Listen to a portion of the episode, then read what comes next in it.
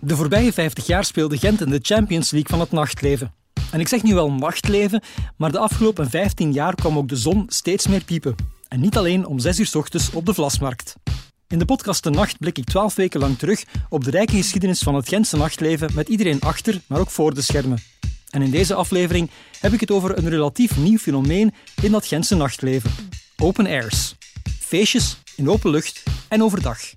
Met Aristide Mandora van Abstract. Het gaat dan eigenlijk over het sfeer. Eh, de DJ's worden ook op een bepaalde manier geboekt om, om die sfeer te gaan scheppen. En je hebt eigenlijk ook een beetje een, muzikale journey, ga ik het noemen. Dat je probeert te brengen. En, en het is wel wijs om iedereen zo samen te zien viben, denk ik. Lisa Callens. Wij hebben er nooit geen werk van gemaakt. Ehm, ja, ook gewoon omdat het, denk ik, enorm veel werk vraagt. En waar te beginnen, uh, ja, wij zijn er nooit aan begonnen. Domenica de Smet van Tupe. Op het moment dat het aan het doorgaan was en aan het succes en aan, als je rond u keek, van hoeveel mensen uit welke hoeken en kanten dat zo kropen. Ze waren daar van de McDonald's toch met hamburgers van de brug naar beneden aan het smijten. En dan wisten gewoon van deze is zo zalig, maar deze gaan we geen twee keer meemaken. Jules Gaïde van Flyover. De eerste editie hadden we, hadden we heel veel mensen op een, op een bepaalde spot eh, verzameld voor het podium uiteraard. Maar dat was iets te compact gebouwd, om het zo te zeggen. Dus op een bepaald moment dat je, was de brug eh, aan, het, eh, aan het vibreren. Wat perfect normaal was, zei iemand mij. Maar eh, als je erop stond, was het toch even schrikken. Thomas Lambrechts van Private Sessions. Wat ook heel mooi is aan die open airs, is het sociale aspect. Ehm, mensen overdag tegenkomen, in, in welke toestand ook. Uh, is altijd anders dan s'nachts. En de gesprekken gaan dan ook een andere kant op. Victor Luiks van Life Snacks. Ja, want de stress is dan eerder als het regent. Bij mij toch gezegd van oké, okay, elektriek gaat er niets uitvallen. Gewoon, omdat de, want uh, die generator moet blijven draaien, want anders valt de muziek uit. En als het aan het regenen is, maar er is geen muziek, dan kan het wel heel snel triestig worden. En Jentel Merks. Een van de eerste dingen toen ik aan het nadenken was over open airs, wat valt daarover te zeggen, was die ja, zo een, echt een visuele herinnering dat je gewoon staat lekker te dansen en je kijkt naast u, naar de persoon naast u en je lacht gewoon vol begrip naar elkaar van het is hier nice. En gewoon dat, dat contentement eigenlijk. Mijn naam is Ben van Albom en dit is aflevering 11 van De Nacht. En voor al wie in de jaren 80 of 90 is opgegroeid, de nacht, of toch zeker het nachtleven, dat is donker, binnen en hoe later, hoe beter. Niet correct. Boe. Het zijn dezelfde mensen die s'nachts uh, dingen organiseren, die ook overdag dingen organiseren, met dezelfde bedoelingen, met dezelfde ambities en uh, telkens met dezelfde rode draad ook, denk ik. Dus de term nightlife is veel meer dan enkel het, uh, de tijdsoriëntatie s'nachts, volgens mij. Het is misschien s'nachts begonnen, maar ik denk dat de, de drang of de goesting om, om ook buiten die clubmuren te, te gaan treden, buiten die vierkant van beton en baksteen, om dan ook echt um, ja, het daglicht op te zoeken. En dat is ook een heel mooie evolutie geweest. Ik denk een evolutie die in horden en stoten is gegaan. Voor mij persoonlijk hoe meer openluchtdingen, uh, hoe beter. Ik denk dat het een mooie afwisseling is, of een nodige afwisseling met het, uh, het uh, nogal donkere van, van de club. Goh, ik denk eigenlijk aan de eerste open air die mij enorm is bijgebleven, is Nachtvogels en Alpha aan de Dokken. Dat was ook zo een locatie dat normaal gezien niet gebruikt wordt voor een feest te doen. En ik denk dat dat het coole is aan, uh, aan een open air organiseren, is ook die, die locatie vinden waarbij dat je echt uniek kunt zijn.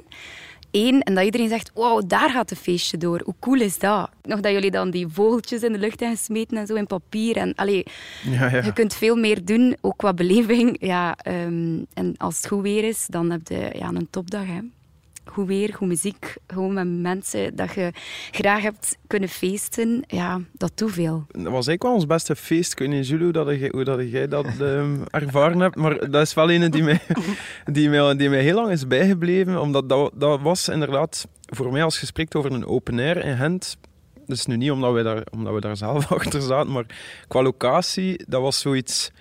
Open airs zijn voor mij... Um, een, plaats die vaak niet gebruikt wordt, die overdag een plein is of een park of, een, uh, of de Grenbakken, wat dat eigenlijk um, ja, wat dan meer uh, een havengebied was. Iets heel stedelijk, een hele urbane context en daarin een, um, een, uh, eigenlijk op een heel lichte manier zijn er geen zotte productie. Een festival, dat is direct, dat voelt aan als een festival, maar een open air, dat slaagt er voor mij als dat eigenlijk zonder grote, zonder veel tralala, gewoon een goed geluid, een goed draaiende bar in een stedelijke context, dan heb je een goede open air, vind ik. En, en dat, aan de grindbakken, dat was zo'n plek dat veel mensen passeerden eigenlijk, dat nog nooit iets was doorgaan. En uh, was ik via Bieke, en via een vriendin van Elissa. En die, uh, met Sint-Lucas, die had daar een barbecue gegeven en dat was op Facebook beland. En dan bleek dat dat eigenlijk kon huren voor ja, dat dat kon huren bij het... Um, SO Gent. SO Gent, ja, juist. Maar die mensen waren daar zelf toen nog niet echt zo bewust van dat dat eigenlijk... Uh, wat het daar ging plaatsvinden. En dan stond daar ineens... Uh, dat was op... Uh, welke dag was dat? In mei? 5 mei. 5 mei, ik weet ook nog inderdaad. Super goed weer. Dat ja. staat knal van het volk. Dat was ook, dat was ook niet duur hè, toen. Dat was 5 euro entree of zo. euro. Of 3 euro? Maar jong. Je van voorbereid. Oh. Nee, maar dat was 3 euro entree. En dat was, dat was ook iedereen. Daar was van Bart van Deka tot Gerald van de Charlatan. Dus alle, er was heel veel horecavolk. En dat was echt simpel, een bar en een soundsystem. Nee, die laagdrempeligheid uh, is, is wel gekend zo voor, voor die open airs. Dus bij ons ook was dat 5 euro het eerste keer. En, en, en gewoon, ja, je wou erbij zijn. En het gaat dan eigenlijk over het sfeer. Uh, de DJ's worden ook op een bepaalde manier geboekt om, om die sfeer te gaan scheppen. En je hebt eigenlijk ook een beetje een, een muzikale journey, ga ik het noemen dat probeert te brengen. En, en, het is wel wijs om iedereen zo samen te zien viben, denk ik. Wat ook heel mooi is aan die open airs, uh, is het sociale aspect. Uh, mensen overdag tegenkomen, in, uh, in welke toestand ook, uh, is altijd anders dan s'nachts. En de gesprekken gaan dan ook een andere kant op. Ja, absoluut. En ik denk ook vooral omdat dat ik de Aristide het al, al een beetje aangaf of aanhaalde. Er is toch wel een bepaalde drempel om de club in te stappen. Ik denk, dat is nu eenmaal zo. De club is niet voor iedereen gegeven het, zijn maar de lucky few die echt vaak gaan clubben of kunnen gaan clubben. En die drempel, zo, met een open air gaat die drempel op een of andere manier, niet enkel door de prijs, maar wordt die drempel veel lager om te gaan bezoeken. En dat maakt het ook tof, omdat er een veel diverser publiek is. Um, en dat is, is, is, een heel mooi contrast met, de, met het clubben, dat toch vaak redelijk uh, exclusief is. Ja, ik vind ook het gegeven van als alle elementen juist zitten. In de zin van, je hebt die mooie omgeving die heel urban kan zijn, maar die ook wel in de natuur kan zijn. Echt heel een idyllisch plekje, zoals dat wij met Oyo hebben. In de tuin van Heden, dat je aan het water zit. De DJ staat ook aan het water gepositioneerd. Je hebt een kei mooie view en dan al de hoekjes en de kantjes die er dan kunnen gecreëerd worden, waar dan mensen neerzitten aan het water, vooraan een DJ aan het dansen zijn, aan het babbelen zijn aan de bar. Ik vind als al die dingen juist zitten, dat dat toch wel een heel speciaal en een mooi gegeven is. Tegenover in een donkere club. Uh, dus het is echt wel een, een, verlenging van nightlife, vind ik wel. Wat ik daar ook leuk aan vind, is dat... Uh, ja, gelijkgezinden die goesting hebben om te dansen en die muziek te beleven, uh, eigenlijk een beetje ook hun plek opeisen in de, in de stad, in de sociale ruimte. Um, en eigenlijk die plots anders gaan invullen of daar een nieuwe dimensie aan gaan geven. En dat heb ik altijd uh, heel tof gevonden, ook aan open airs. Op zich is clubben in open air niets nieuws. Maar op een paar uitzonderingen na, zoals de City Parade, heeft het lang geduurd voor het in deze contraien echt van de grond kwam. Isle of Techno Outdoor en House Torhout hielden het na één of twee edities voor bekeken en ook op de eerste editie van Tomorrowland was het allesbehalve koppellopen. Maar hoe populairder Tomorrowland werd, hoe meer open airs in de rest van Vlaanderen opdoken. Ook in Gent dus. Of is daar niet echt een verband? Denk, voor mij persoonlijk was Tomorrowland eigenlijk niet echt een... Um, een inspiratie? Nee. Eerder zo de eerste keer naar Berlijn gaan, een weekend ja. naar in Berlijn. Mm. En daar open air clubs zien. En daar zo open air zo net buiten het centrum en heel veel groen in Berlijn. En daar heb ik dat zo wel de eerste keer gezien van... Um, een bar 25 vroeger of zo. Ja, ja inderdaad. Kater Holtzig. Dat ja, zaken. Dat was zo ja, open lucht, muziek overdag. En ja, daar ik denk dat daar inderdaad voor de kleinere, de kleinere open airs de mosterd eigenlijk wel een beetje meer in het open air gegeven uit Berlijn komt. Ja. Het zijn echt wel ook kleinere events waar dat uh, intimiteit... En dan heb ik het ook intimiteit met een DJ. Dus dat je echt wel zijn zweet kunt ruiken, bij wijze van spreken. Dat je hem ziet draaien, dat vind ik echt zo belangrijk. Hè? Ja, ik heb zelf... Allez, wij hebben kleine feestjes georganiseerd vroeger uh, met Bohaus. Dat was Abend. En wij hadden wel zo'n inspiratie door Elro. Um, dat is wel... Nu is dat enorm geboomd en is dat ook heel commercieel, zou ik maar zeggen. Toch al een beetje meer... Um, maar ik vond dat wel wijs dat ze... Dat is de club in Barcelona waar ze letterlijk het dak eraf halen ja, om negen uur s ochtends. Dat is ja, dat is, dat is, maar dat is wel echt crazy. Hè? En dus dat was staat, wel, ja. Je staat in een club tussen vier muren en plots komt daar de zonlicht binnen. Ja. En iedereen staat daar um, ja, redelijk goed gebakken. Ja, ja, ja. En ook gewoon ja, het feit dat ze wel bezig zijn met kostuums en met... Het is één grote droomwereld, precies. En Tomorrowland doet dat ook, maar op een heel andere manier. Ehm, bij Elro is het wel... Ja, het is er echt een goede noek af, zo. En dat is wijs. Uh, dus dat heeft mij wel geïnspireerd, persoonlijk. Ja. Ik probeer vooral ook mijn eigen ding nu te doen. En, uh, ik denk dat location hunting eigenlijk wel daarin het belangrijkste is. En dat je van je locatie... Dat is eigenlijk ook het moeilijkste. Ik weet niet wat jullie er allemaal van denken. Maar hier in Gent is dat toch wel echt een probleem. Um, om echt een goede locatie te vinden, dan heb ik het over een locatie van geen duizend man. Maar drie, vierhonderd man. Die kleine plekken. Absoluut, en ik denk da van daaruit, uw inspiratie halen, gewoon de plek op zich. Wat kunnen we hier doen? De basiselementen zijn er voor iedereen. Hè. Je hebt een goede sound nodig. Misschien dat je je vergunning hebt. En je probeert het beste van je locatie te maken. Maar ik denk dat dat zo'n be beetje meer mijn inspiratie is dan... Uh... Ik herinner mij ook uh, Mood Family in het Keizerpark, uh, die een gratis open air. Dat, um, dat, dat, was on... dat ze van boven op de basketbalring die zaten. Dat is niet normaal. Zalig, dat was, um, en dat waren zo, oké, okay, in het Keizerpark, een sound system, een bar. En um, de Grinbakken was ook zo een. En ja, dat is... Er, de, vaak zijn er, zijn, er, zijn er, als er een nieuwe plaats wordt gevonden, dan is er zo'n beetje... Er komen heel snel klachten. Ja, Mm. nee, Buren die, ik vind dat like zot bij de tuin van Heden, hoe dat, dat zo altijd maar Ja, maar geloof mij, lukken. dat is echt niet gemakkelijk ook. Ja. We hebben al gehad dat ze eigenlijk tijdens de soundcheck de politie er al kwam, maar dat ze de buur wel kenden. Eigenlijk zitten we een beetje in een klimaat van, er moet maar één buur zijn Mhm. die belt. En je kunt eigenlijk heel je spel toedoen, bij wijze van spreken. Hoeveel energie, tijd en geld dat je er ook al hebt ingestoken. En dat vind ik een beetje een jammer klimaat waar we in zijn beland. Ik denk dat dat vroeger wel iets vrijer misschien was. Zeker in, allez, omdat het over een, een feestje overdag gaat, Ja. zou je toch denken dat mensen er eh, minder snel Mm, uh, eh, nee, nee, is niet allee, tegenover reclameren. Ja. Nee. Maar tot nu toe is het wel altijd wel goed gelukt, dat is wel waar. Dus uh, we hebben nog nooit stilgelegd geweest, maar wel al een keer bezoek gehad. Hoe je het ook draait of keert, location is key. En goede buren ook. De grindbakken aan Dok Noord zijn al gevallen, het Keizerspark en de tuin van Heden in Ledenberg ook. Maar wat is er dan nog zoal? En ook, wat heeft niemand al ooit te pakken gekregen? In alle eerlijkheid, ik ben, ik ben eerder DJ en, en allee, bezig met muziek. Maar wij hebben wel de tuin van uh, Heden toen bekeken. Ook, uh, we hadden dat gezien als we aan het lopen waren langs het water. Mm. Omdat ik daar woonde aan de Franse kaai. En dat was, oh, moesten we hier een open air doen, dat zou zo de max zijn hier aan dat water. En zie hoe schoon in die tuin. Um, dus ik versta het volledig dat jullie daar ojo beginnen doen zijn. Uh, maar wij hebben er nooit geen werk van gemaakt. Um, ja, ook gewoon omdat het, denk ik, enorm veel werk vraagt. En waar te beginnen, uh, ja, wij zijn er nooit aan begonnen. nee, voor ons, uh, ja, de open air aan, aan de Rozenbroek, dat was wel een, een, een markante. Dat was een die wel de abstract stempel had. Uh, ja, dat vond ik wel fantastisch, ook qua locatie. We hebben dat kunnen scoren via de moeder van Lars. Ze werkte als uh, verantwoordelijke bij, bij Rozenbroeken. En uh, ja, nee, we hebben daar toch wel drie heel succesvolle edities uh, gehad. Jules en ik samen wel op redelijk wat dingen in dossiers geschreven die uh, tot niets hebben geleid. maar, maar ja, dat, is, dat hoort er een beetje bij ook, vind ik. Dus dat, um, dus je wint som, je lose som. En soms steken iets heel veel werk. En als het dan lukt, dan, is het, ja, dan komt er mij iets af en dan, dan babbelen mensen er ook wel over. Dat is wel een toffe spot. Maar... Voor mij was het eigenlijk door naar Splen een keer te gaan in de tuin van Heden. Uh, dus uh, all credits uh, aan die mannen. Dat ik eigenlijk volledig overtuigd was om daar met Ojo een open air te doen. Ik vind dat zo'n magische plek. En het past ook perfect bij het concept van Ojo om het heel intiem en klein te houden.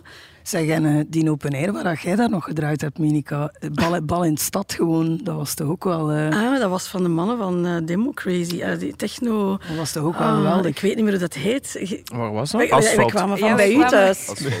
We zijn samen geweest toen. Ja, asfalt. Dat was eigenlijk asfalt. de afterparty. Ja. Dat was onder die brug aan Sint-Michiel. Ja, dat was zo, wel zot. Dat, ah, ja, ja. Die, had, die hadden wel goede, goede spots ook. Hè, en dan heb je ook ergens zo het gevoel wel bij zo'n feest van... Oei, dit gaat misschien geen tweede keer gebeuren, ook al ja. zou dat eigenlijk net wel moeten gebeuren. Ja, en, dat, dat en het was goed georganiseerd en het zat mm -hmm. heel goed aan elkaar. Op het moment dat het aan het doorgaan was en aan het succes en aan, als je rond u keek, van hoeveel mensen uit welke hoeken en kanten dat zo kropen. Ze waren daar van de McDonald's toch met hamburgers van de brug naar beneden aan het smijten. En dan wisten gewoon van deze is zo zalig, maar deze gaan we geen twee keer meemaken. Ja. Dat het gewoon te goed was. En dat was echt wel pal in het centrum van Gent. hè. Ja, dat was cool. Ja. Hè? En een hele mooie, waar ik eh, allee, ook met heel veel toffe herinneringen aan terugdenk, is ook eh, de verschillende edities van Dansboot. Echt eh, ja, een eh, relatief klein bootje eigenlijk, die dus door het centrum vaart. Met eh, een gekke band op die het volledig ziet zitten. En dan zonnetje erbij, cocktailtje.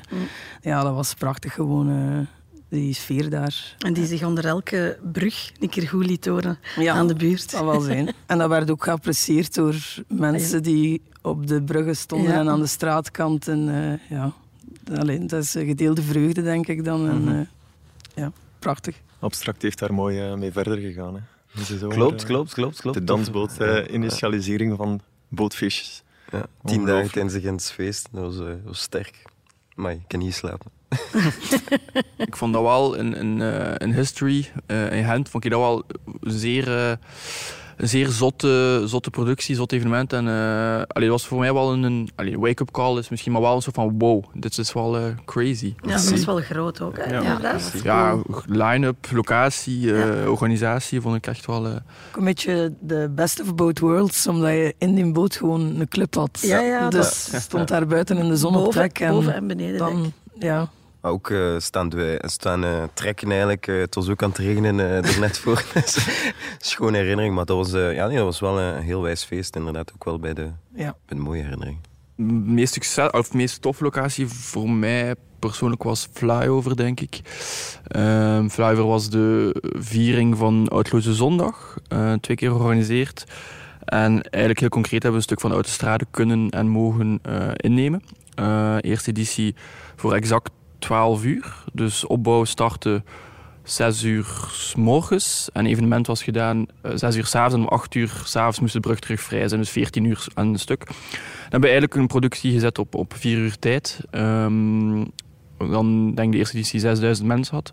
Was heel wild. In die zin dat mensen echt niet verstonden dat zoiets mocht en kon. En dat was echt een, een, een vonk, eh, vond ik. Hoe dat je anders naar een stad kunt kijken als je op een uh, loopt als bezoeker. Met de fiets of, met de, of gewoon te voet of met, met de step, whatever. De tweede editie was, was een pak groter, een pak professioneler om het zo te zeggen. En toen kregen we de brug voor 24 uur. Opbouw start opnieuw om 6 uur, nee, om, om 12 uur s'nachts. Start opbouw. 6 uur opbouwen om dan om 6 uur s morgens een yoga-sessie te starten op de brug. En dan event van 6 uur s morgens tot 6 uur s avonds. En dan weer uh, 4 uur afbouw. Uh, om dan weer de brug vrij te geven. Dus dat is eigenlijk een van de zotste dagen ooit, denk ik. Want het, uh, bouwt alles from scratch. We hadden wc's op de brug, we hadden vier baars op de brug. We hadden zes foodstands op de brug. We hadden drie podia op de brug. En in totaal, editie, 20.000 bezoekers gehad. En dat was eigenlijk een, een, super fijne samenwerking met de stad, fijne samenwerking met de Vooruit, fijne samenwerking met Treehouse. Stond letterlijk te trillen de brug. Ja, ja, ja. ja, ja. ja Vertel ik eens. Ja, als, als, als je, de eerste editie hadden we, hadden we heel veel mensen op een, op een bepaalde spot uh, verzameld, voor het podium uiteraard. Maar dat was iets, iets te compact gebouwd, om het zo te zeggen. Dus op een bepaald moment dat je, was de brug uh, aan, het, aan het vibreren. Wat perfect normaal was, zei iemand mij. Maar als je erop stond, was het toch even schrikken. Tweede editie hebben we dat dan iets breder getrokken. Was, was het totaaltraject denk ik anderhalve kilometer. Dus je had anderhalve kilometer lange evenementzone.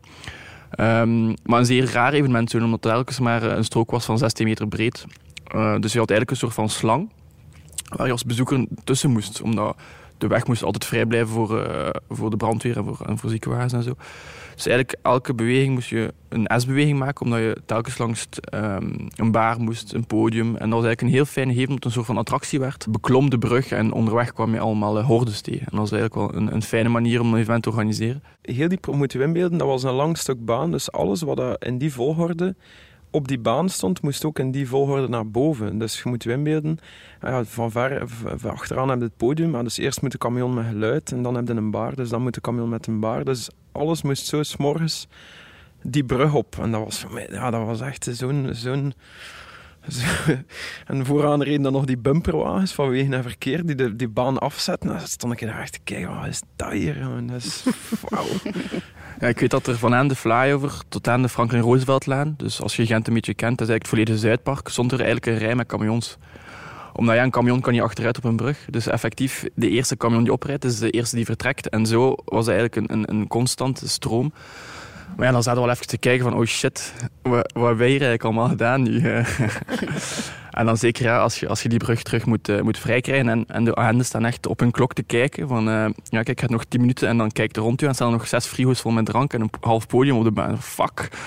Dus uh, ja, dat, is, dat is wel heftig. Flyover, de blokparty op de brug die plaatsvond in 2017 en 2018, was zonder twijfel de meest legendarische open air uit de Gentse geschiedenis. Maar zoals Jules Gaïde en Victor Luiks uitleggen, komt er meestal ook wel wat bij kijken. Uiteraard is niet elke locatie zo uitdagend, maar gelijk welke open air brengt wel degelijk ook een pak uitdagingen met zich mee.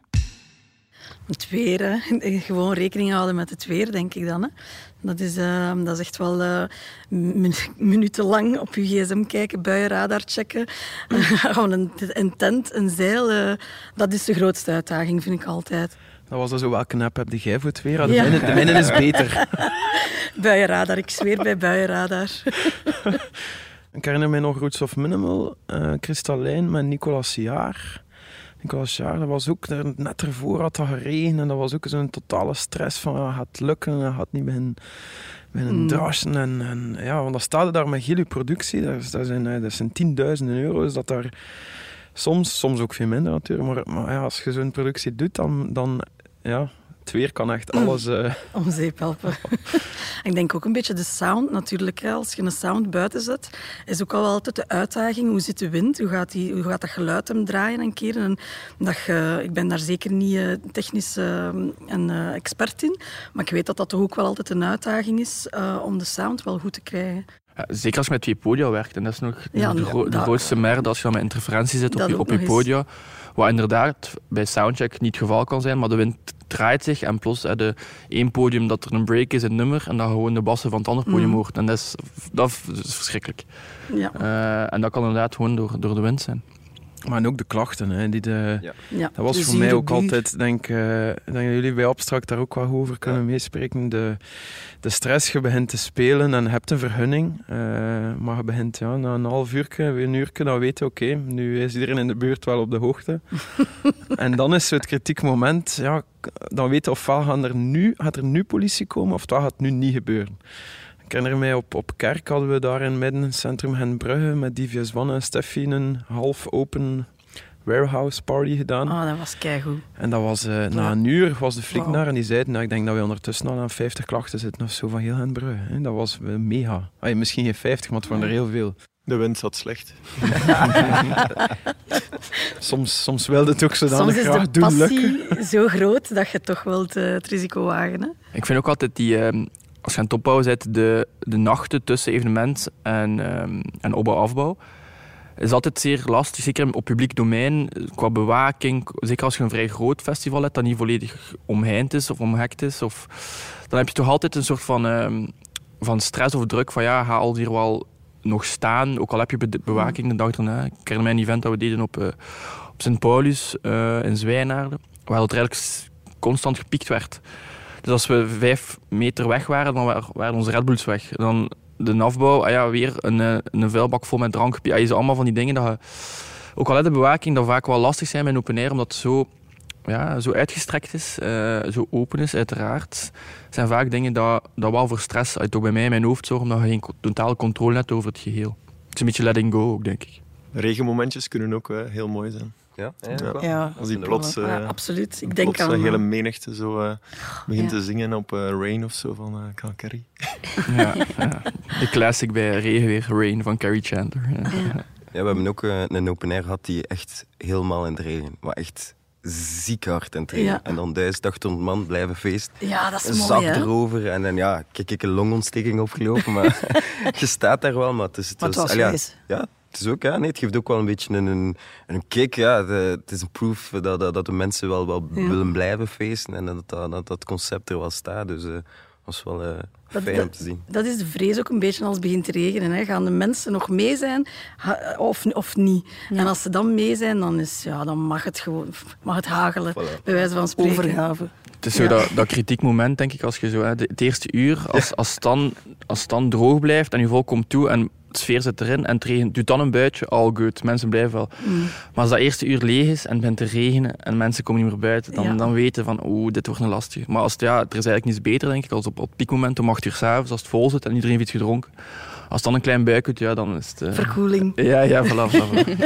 of een groot buikje. ik herinner mij ook uh, echt een, ja, een, gigantische wolkbreuk op het einde van Roots of Minimal. Ik denk de tweede editie, ik denk dat Damien, Damien Lazarus aan het spelen was. En dat was echt aan het gieten, maar ja, bedoel, je staat daar en het was de laatste set van het feestje, dus fuck dat. Gewoon blijven gaan. Ja. Ja, want de stress is dan eerder als het regent. We hebben bij mij toch gezegd van oké, okay, elektriek gaat er niets uitvallen. Gewoon, omdat de, want uh, die generator moet blijven draaien, want anders valt de muziek uit. En als het aan het regenen is, maar er is geen muziek, dan kan het wel heel snel triestig worden. dus, dus um, dat is ja. ja, elektriciteit, daar heb ik ook wel al wat stressjes over gehad op open air, zijn ik. Ja, maar. En nu we het toch hebben over muziek die liefst niet uitvalt, hoe anders is het als DJ om te spelen op een open air? Het speciaalste moment dat ik persoonlijk als DJ heb meegemaakt was, um, dat was een open air van type die wij deden op de buiten, het buitenplein van de Kompas.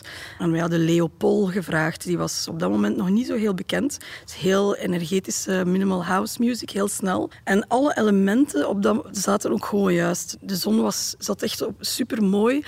Iedereen was aan het dansen en ik moest afsluiten na Leopold. En dat was echt zo'n speciaal moment. Er waren ook zo van die zonnestralen die, die, die op het publiek aan het schijnen waren. Een maat, Karel heeft daar nog een foto van getrokken. En dat gevoel ja, kun je niet in een donkere club beleven. Dat is dan weer een heel andere beleving die magisch is. Hè? Maar de combinatie van de vibe, van die zonnestralen, ja, dat was toch wel heel speciaal. Ja, ik vind in het algemeen open airs gewoon de max. Ik, vind, uh, ik ben een uh, grote fan van de zon en buiten zijn. En inderdaad, zo'n moment dat hij nu omschrijft, dat heb je gewoon niet in een club. Als die elementen zo samenkomen, de flow van de muziek, de energie op de dansvloer die goed zit en dan nog het weertje erbij, dat is, dan wordt alles zo gedeeld. En dat is heel krachtig, denk ik. En dat is zo veel goed. De, een van de eerste dingen toen ik aan het nadenken was over open airs, wat valt daarover te zeggen, was die ja, zo een, echt een visuele herinnering dat je gewoon staat lekker te dansen en je kijkt naast u, naar de persoon mm. naast u en je lacht gewoon ja. vol begrip naar elkaar van het is hier nice. Zonder, zonder woorden. Dat ja. contentement eigenlijk. Ik vind de interacties ook een klein beetje anders. Zo, uh, ja, je gaat ook anders met mensen eigenlijk in een club. Is dat zo van ja, kijk, we zijn hier om te feesten. En in een open air heb je, heb je momenten waarbij dat je kunt chillen, even praten en, en, en mm. niet, niet, niet en, en je kunt echt wel tijd nemen voor jezelf. En ja, gelijk dat jullie zijn, energie dat eruit haalt, het moment ook. Mm. Je leert ook mensen kennen. Je hebt ruimte om mensen te leren kennen, wat in een club ook wel moeilijker vind is. Want ja, je moet, moet ergens een hoekje vinden van hé, hey, ja, da, da, da. Maar, ja. die hoekjes en die kantjes, hè, daar, daar hou ik ongelooflijk veel van. Zowel in een club als in een open air. Er mag niet in een, vierkant zijn, die hoekjes en die kantjes. Dat heb je nodig. Wat je sowieso ook nodig hebt op een feest is security. Alleen als ik iedereen hier zo bezig hoor, dan heeft hij op een open air beduidend minder werk dan in een club. Maar dat is misschien niet waar. nee. Dat zou ik ook niet zeggen. Nee, nee. Laat me denken aan een anekdote van uh, ook een feest gegeven aan, uh, aan de Kristallijn. En er was iemand uh, eigenlijk over de sporen uh, heen en proberen kruipen. Dus er is een helikopter moeten komen om die mens eigenlijk uh, ja, weg te krijgen. Dus dat is ook opnieuw gekomen. Die mens heeft 10.000 euro boeten aan zijn been. Gewoon omdat ja, het treinverkeer ook stil heeft moeten zitten. Dus ja, minder security zou ik nu ook niet zeggen. Maar ja, het is, het is, ja, het is wel vaak een ander soort security, denk ik. Nog met organisaties zoals Sfeerbeheer, die nu Flow heten, mm. dat al een, een, pak verder komt dan met de traditionele uh, GeForce. Kijk, omdat toch iedereen ook wel in dat, in dat openluchtsfeer, het is daytime, het is, het is, iets opener, amicaler. En ik vind wel dat je dat daarop merkt. Er is misschien evenveel security, maar op een andere manier ingezet. Uh, zaken zoals roken kan ook gewoon open. Dus er kan misschien ook wel net ietsje meer uh, waarvoor zorgt dat er minder hard uh, moet opgetreden worden. Het is ook iets meer sociale controle, hè, omdat iedereen iedereen ziet. ja, in een club is het allemaal, in een club is het allemaal donker, maar op een dag, ja, als je daar iets uitsteekt, ja, dan gaat iedereen rond u die het, die getuige is. Dus, um... Wat bedoel je? Volgende vraag. Oké, ik heb nog één vraag. Enfin, het is misschien niet echt een vraag, maar eerder een vaststelling. Soms kan een open air ook helemaal fout lopen, zoals in 2018 is gebeurd onder het E17-viaduct in Gentbrugge.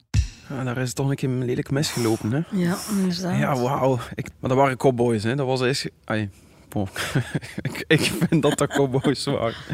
Dat was, uh, dat was een organisatie, dat was ook een beetje schuchter. Je kende die mensen niet, ik had er ook nog nooit van gehoord. Dat was een nieuwe promotor die een, uh, onder de brug van Henbrugge een plaats waar iedereen al van gedacht heeft van wauw, als die bussen hier even weg zouden gaan, de spot voor, een voor echt een vrij goede open air te geven. En ineens doen die dat. En niemand kende die, dus dan gaan er wel zo wat, mm, oké. Die zijn ook ja, moeten stoppen, wat dat, wat dat ook al toont van ja, je bent erover gegaan en ook ja, gelijk de meeste van ons gaan ook zo wel een beetje rond tien uur toch wel uh, het aantal decibels naar beneden gaan en zij hebben eigenlijk gewoon hun main act geboekt dan en, en dat was tot ah. één uur dat lawaai was ah, in, in een bebouwde kom. ja, het was, het was, het was niet goed. Mm. Ja, een dag erop was ook niemand bereikbaar. Ik herinner me dat nog uit dat artikel. Die waren vertrokken, dat lag daar vol met afval en die mensen waren niet bereikbaar. Ja, dan, dan maakte niet de beste beurt, denk ik. Iets te enthousiast. Soms heeft dat dan ook weer zijn gevolgen voor andere organisaties. Ja, ik wou het juist zeggen eigenlijk, ja. Dat kan ook soms locatiegebonden zijn. Hè. Uh, je hebt een bepaalde locatie waar je feest geeft, je pakt dat heel professioneel aan.